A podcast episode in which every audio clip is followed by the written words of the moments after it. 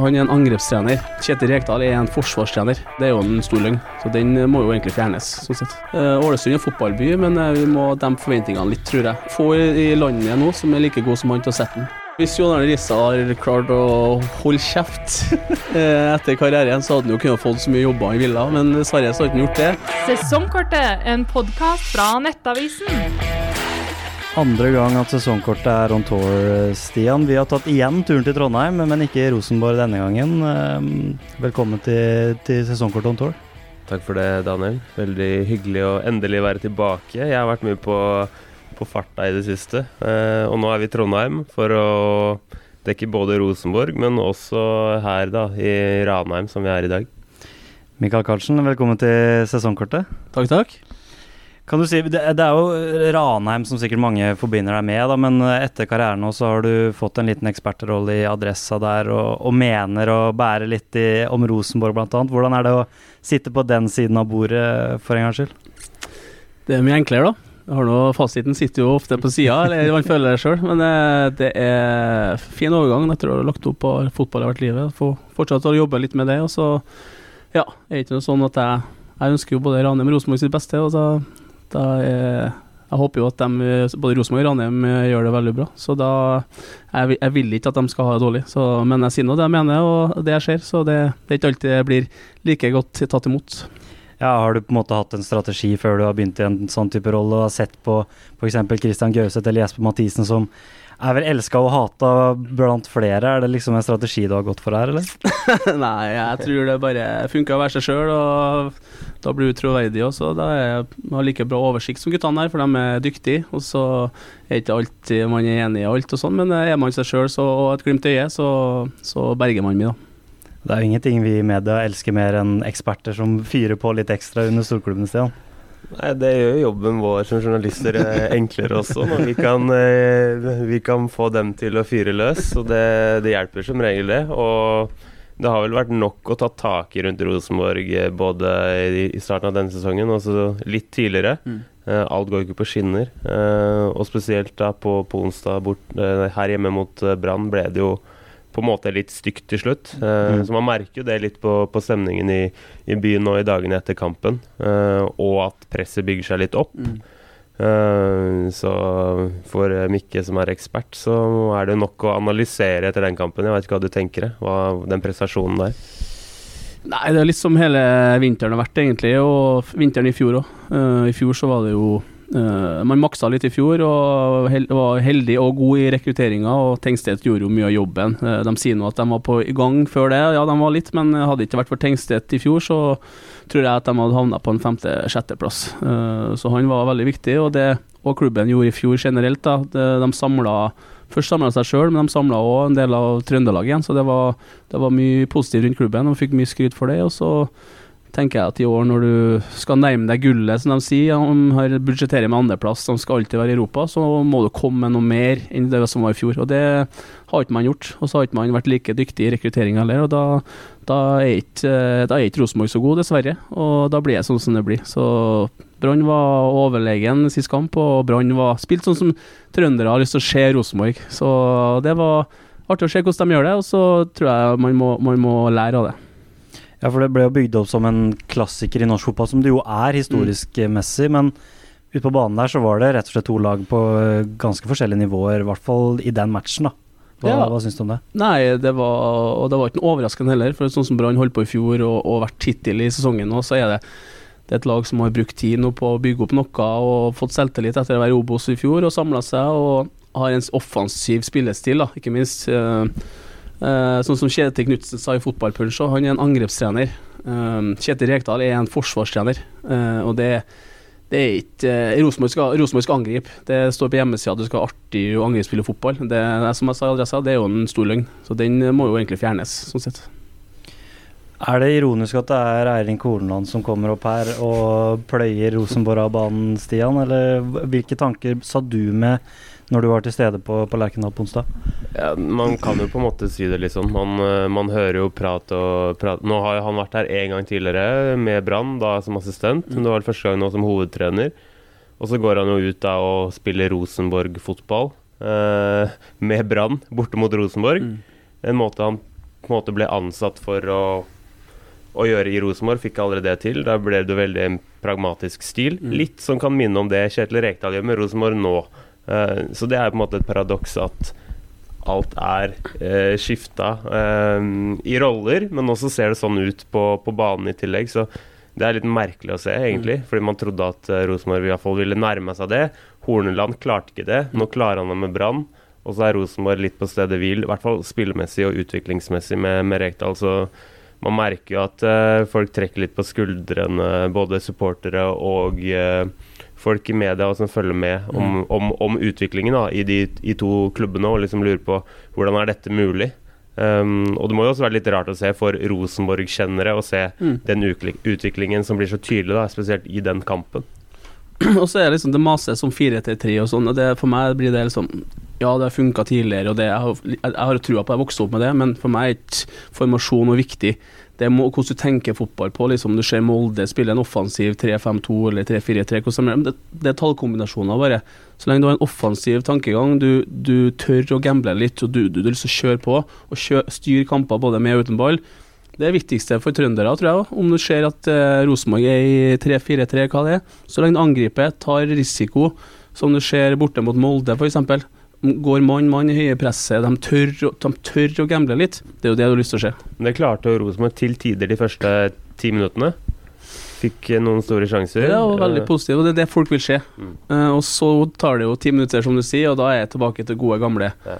Eh, og det prates om vi har bygd fysikk i hele vinter og bla, bla, bla. Eh, men da kan du jo stå høyt oftere, tenker jeg, da, hvis du er så godt trent. Så, og I tillegg så det prates om kontinuitet i laget, og vi må få tid og sånn. Men det, og unge gutter, ikke minst, da sier de jo. Det er veldig mye unge gutter tydeligvis i Rosenborg. Eh, Det er bare i Norge du er et talent når du er 22-23 år. Eh, eh, men likevel så bytter du av dem til pause hver gang. Det, du, det, er liksom, det er sånn sjakkbrikker. Mm. Eh, og unge gutter må få tid. Ja, men du bytter dem av til pause. Når uh, Sadiq ikke skårer i første gangen, så vet han at her kan jeg bli bytta av. Mm. Og det er ikke noen god følelse. Men det som er med, også med, med Rosenborg, at man- bygge bygger laget med typer som passer til stilen. Hvis man, hvis man vil stå høyt og, og presse, et, eh, presse en motstander og Mm. dominere, så må du også kanskje ha eh, ekstra fart i forsvarsleddet. Mm. Og akkurat det ser man jo kanskje ikke at Rosenborg eh, har klart å rekruttere til seg heller. Nå er det mye snakk om de offensive spillerne Mm. som ikke har fungert. Men også det gjør, at det blir en trygghet i laget som gjør at du, du kan stå og pushe etter. Og det også er vel litt mangelvare i laget. Så det er på en måte flere lagdeler som har mangelvarer, sånn jeg ser det utenfra. Jeg vet ikke hvordan du tenker rundt det. Jeg er jo helt enig, og det er jo et uh, lag som er ganske, er et ganske tungt lag generelt, da. Eh, men jeg tenker jo at hvis du har et godt toppress, da, om det er med 3-2, hva det gjør det, men uh, du tvinger, sånn som mot Molde uh, eksempelvis, så tvinger jo Molde til å slå mye langt. Eh, hvis du har et godt press der du vet hvor ballen Finn gode presseøyeblikk og vet hvor ballen kommer, så har du òg ganske mye fysikk bak, da. Som vinner duellene der, ofte. Så sånn sett så er det sånn det, Hvis du blir stående sånn som mann-mann ofte, og det er store rom rundt deg, så, så, så dekker jo ikke Rogers, og Jensen Henriksen dekker jo ikke de rommene. Nei. Men får du et godt toppress der du vet hvor ballen ofte kommer, hen, så vinner jo guttene her dueller mot de fleste. Eh, og Det viser jeg mot Molde, at de tør å gjøre det og takle det. Så Derfor syns jeg det er rart at man ikke gjør det oftere. En mann som har blitt hylla mye, det er jo Mikke Dorsin, bl.a. etter en kjøp og salg av Kasper Tengstedt. Da er det noen grunn til å på en måte sette spørsmålstegn med jobben han har gjort? Hva tenkte du underveis i overgangsvinduet? Ble det i etterkant Er det for mye kvantitet enn kvalitet som har blitt henta inn på Lerkendal, eller hva tenker du? Uh, I år så tenker jeg at det, det Man har ikke truffet helt i, i rekrutteringa. Litt sånn, kanskje litt desperat òg, at man her, her leter vi litt. Uh, og, og her må vi bare prøve å få tak i noe som vi kan få tak i. Litt sånn Ref Sadiku før eh, vinduet kommer inn her, Aga. Det, det er jo, prospektene er jo isolert sett ganske ok. Eh, I sum så blir det for meg Det blir for dårlig i sum, rett og slett. Det er for mye uprøvd, uh, uprøvde spillere som ikke har slått gjennom helt. Det blir for mange av dem. Da, så uh, jeg syns det er rart at man ikke bruker de pengene. Uh, så sier det seg sjøl at de pengene fra Tengsted gikk jo egentlig rett i sluket Mm. pga. dårlig klubbdrift over mange år. Så sånn sett så er utgangspunktet likt igjen. Men jeg mener at man burde ha klaska til litt for å få mer etablerte, gode spillere som du vet leverer fra dag én. da. Vi hadde jo Torgeir Børven i podkasten sist før eller, Vålerenga-Lillestrøm, og han sa at i Vålerenga så dobles alt. Eh, forventningspresset, eh, skuffelsen etter tap eller dårlig spill. I Rosenborg er det nesten så det triples innimellom. Når man merker noe Det var tap nå sist, men de har jo faktisk ikke tapt uh, før den matchen mot Brann. Og allerede nå så ropes det nesten på jobben til Rekdal. Er det litt sånn Er det litt søkt at allerede supporterne nå begynner å rope på det? Ja og nei. Eh, poengmessig så har det vært helt OK, sånn sett. Eh, men det er måten man gjør det på som er like viktig i Trøndelag her som å, å ta med seg poeng. Det, man så en del tendenser i fjor. Det berga seg inn. Eh, I år så som jeg sier, må det komme med noe mer. Eh, det gjør ikke man. og det, Man har en nedadgående kurve egentlig på måten man spiller på. Uh, og det Trøndere er enkle, det skal angripes, og du skal heller vinne 4-3 enn 1-0. og det det, derfor tror jeg er ganske sammensatt. Det er for tidlig å rope om det ene og andre der, men man vil se en annen type fotball da, som uh, begeistrer, og det, det har ikke vært. Siste nå har det vært mye Rosenborg her, gutter. Men eh, hva må på en måte Rekdal og Frigård gjøre nå for å få med seg publikum igjen? For de hadde jo det en periode i fjor, faktisk. Hvordan, hvordan skal de på en måte samle trønderfolk igjen og få den støtten som de, de trenger for å beholde jobbene sine? Du må starte med å vinne kamper, først og fremst. Det, det er viktig uansett. Uh, starter du der, så, så kan det hende at andre kommer etter hvert. Du får bekreftelse på at her, her er vi med og her vinner vi kamper. Uh, så tror jeg det er lurt å, å, stå igjen nå i samme laget og la, la få sette seg litt. Ikke bytte så mye som de gjør nå, for nå er de litt i villrede. De, uh, de har lyst til egentlig Lederstilen har vært ganske bra hele veien. Det er veldig beundringsverdig, både Frigård og Rekdal. og De er ærlige og åpne. og og byr på seg sjøl. Det eneste de vil, er at Rosenborg skal gjøre det bra. Uh, men nå leter de litt og finner ikke helt svarene de ønsker, og det er litt forståelig òg. Men jeg tror må, du må sette et lag nå, og la guttene få holde på. Og da, da kommer relasjonene som man, uh, man, snakker om, og da, da kan unge guttene, som de er veldig opptatt av òg, utvikle seg. Vi må videre, Stian, for uh, det er et annet topplag og en toppklubb i Norge som har slitt veldig i Molde. Endelig kom seieren mot Ålesund i derbyet der. Forventa for mange, vil jeg tro, at de skulle klare å kare med seg sin første trepoenger der. Hva, hva syns du om det du så, og er du overraska over at de klarte å få med seg en trepoenger til slutt her? Ja, for å ta det siste først, så er jeg absolutt ikke overraska. Men tatt i betraktning hvem de møter, så mm. skulle det egentlig bare mangle at eh, de slår Ålesund. Um, det koster jo også Lars Arne Nilsen-jobben. Så mm. også en merkelig situasjon. At han fikk tillit for å beholde jobben og fikk én kamp på seg, og det er borte mot Molde. Hvis du ikke vinner den, så får du sparken. Det er jo en merkelig eh, klubbdrift sånn sett utenfra, eh, men det er jo nå en annen sak. Men uh, at Molde har slitt, er det jo ikke noe tvil om. Men hvis man ser på de underliggende tallene, så har det ikke sett så altfor ille ut for Molde, egentlig. Så det er egentlig bare et tidsspørsmål før det skulle snu, hvis man ser logisk på det. Mm. Nå er det ikke alltid sånn at uh, tall uh, gjør at du kommer til å vinne kamper i fremtiden. Uh, det er jo andre klubber eksempler på. men jeg blir sjokkert om ikke Molde får, eller finner formen og, og, og, kommer seg. Nå skal jeg ikke skryte på at jeg så den kampen veldig nøye, fordi jeg satt på Lerkendal samtidig. Mm. Så, men ut fra det lille jeg har sett i ettertid, så, så var det en OK kamp av Molde. Ikke noe mer, men en helt fortjent 3-0-seier. Fra et lag som det løsna litt for, så er det Ålesund og Mikke som har fem strake tap. Eh, og det går eh, seiler nedover, rett og slett. Eh, litt sånn Kristiansund over det fra i fjor, mm. da, som fikk en marerittstart og ikke klarte å, å, snu det i tide. Hva, mm. hva, nå for Ålesund, for en klubb som sliter og har mista treneren sin og, og, alt det der? Hva, hva, gjør man nå, liksom? Jeg tror jeg, jeg syns det er vanskelig å svare på, for at det, det det er ikke bare at det er tilfeldig at det skjer. Uh, du kan si mye om det ene og andre, og om det er rett at treneren fyker, det er men jeg tror generelt Ålesund som klubb må, må, gå i seg sjøl og finne ut hvor, hvor vil man egentlig igjen. Uh, det er altfor høye ambisjoner i forhold til uh, hvordan de egentlig driver, og, og hvordan de budsjett og sånne ting i tillegg. Så Ålesund er fotballby, men uh, vi må dempe forventningene litt, tror jeg. Uh, og nå blir det knalltøft. Det er ikke trenerens skyld at det går som det går. Hvis du ser i troppen, så er den veldig tynn. Mm. Jeg ser ikke, nesten ikke en spiller som dom, kan være dominant i Eliteserien, egentlig, på andre lag. du har ok spillere, liksom, men i sum så blir det, det veldig grått og trist. Så du, du mister Siger Haugen, du mister Bolka Nordli, Isak Dypvik Mette og, hente inn Du treffer ikke da i mm. rekrutteringa i hele tatt. Du henter en uh, Atanga liksom, som har gått for mange millioner, det er liksom det nye store, og så har han nesten ikke spilt ennå i tillegg. Mm. Så det, det, er veldig sånn, virker veldig tilfeldig måten de driver på å rekruttere òg. Så det, det jeg, jeg, tror det ser stygt ut, det er ikke noe tvil om det. Og jeg tror de skal få slite veldig veldig med å ta, ta så mye poeng poeng i Eliteserien. Og så er det en ny situasjon, da, for nå, nå kan man jo begynne å prate om hvem er aktuell for For det skjedde jo ikke i fjor, faktisk, at noen fikk sparken, så vidt jeg vet. Um, Jon Arne Riise lanserte seg litt selv i Haugesund Avis der i går, så jeg. Hva tenker du om en sånn type løsning for, eh, for de oransje der? Utgangspunktet, hvis Jon Arne Riise har klart å holde kjeft eh, etter karrieren, så hadde han jo kunnet fått så mye jobber han ville, men dessverre så har han ikke gjort det. Så det, jeg tror ikke folk tar noen sjanse på det, dessverre. Han faktisk skal få skryt med jobben han har gjort i Avaldsnes nå. Klart å berge i fjor, og det han har gjort i år, har vært veldig imponerende.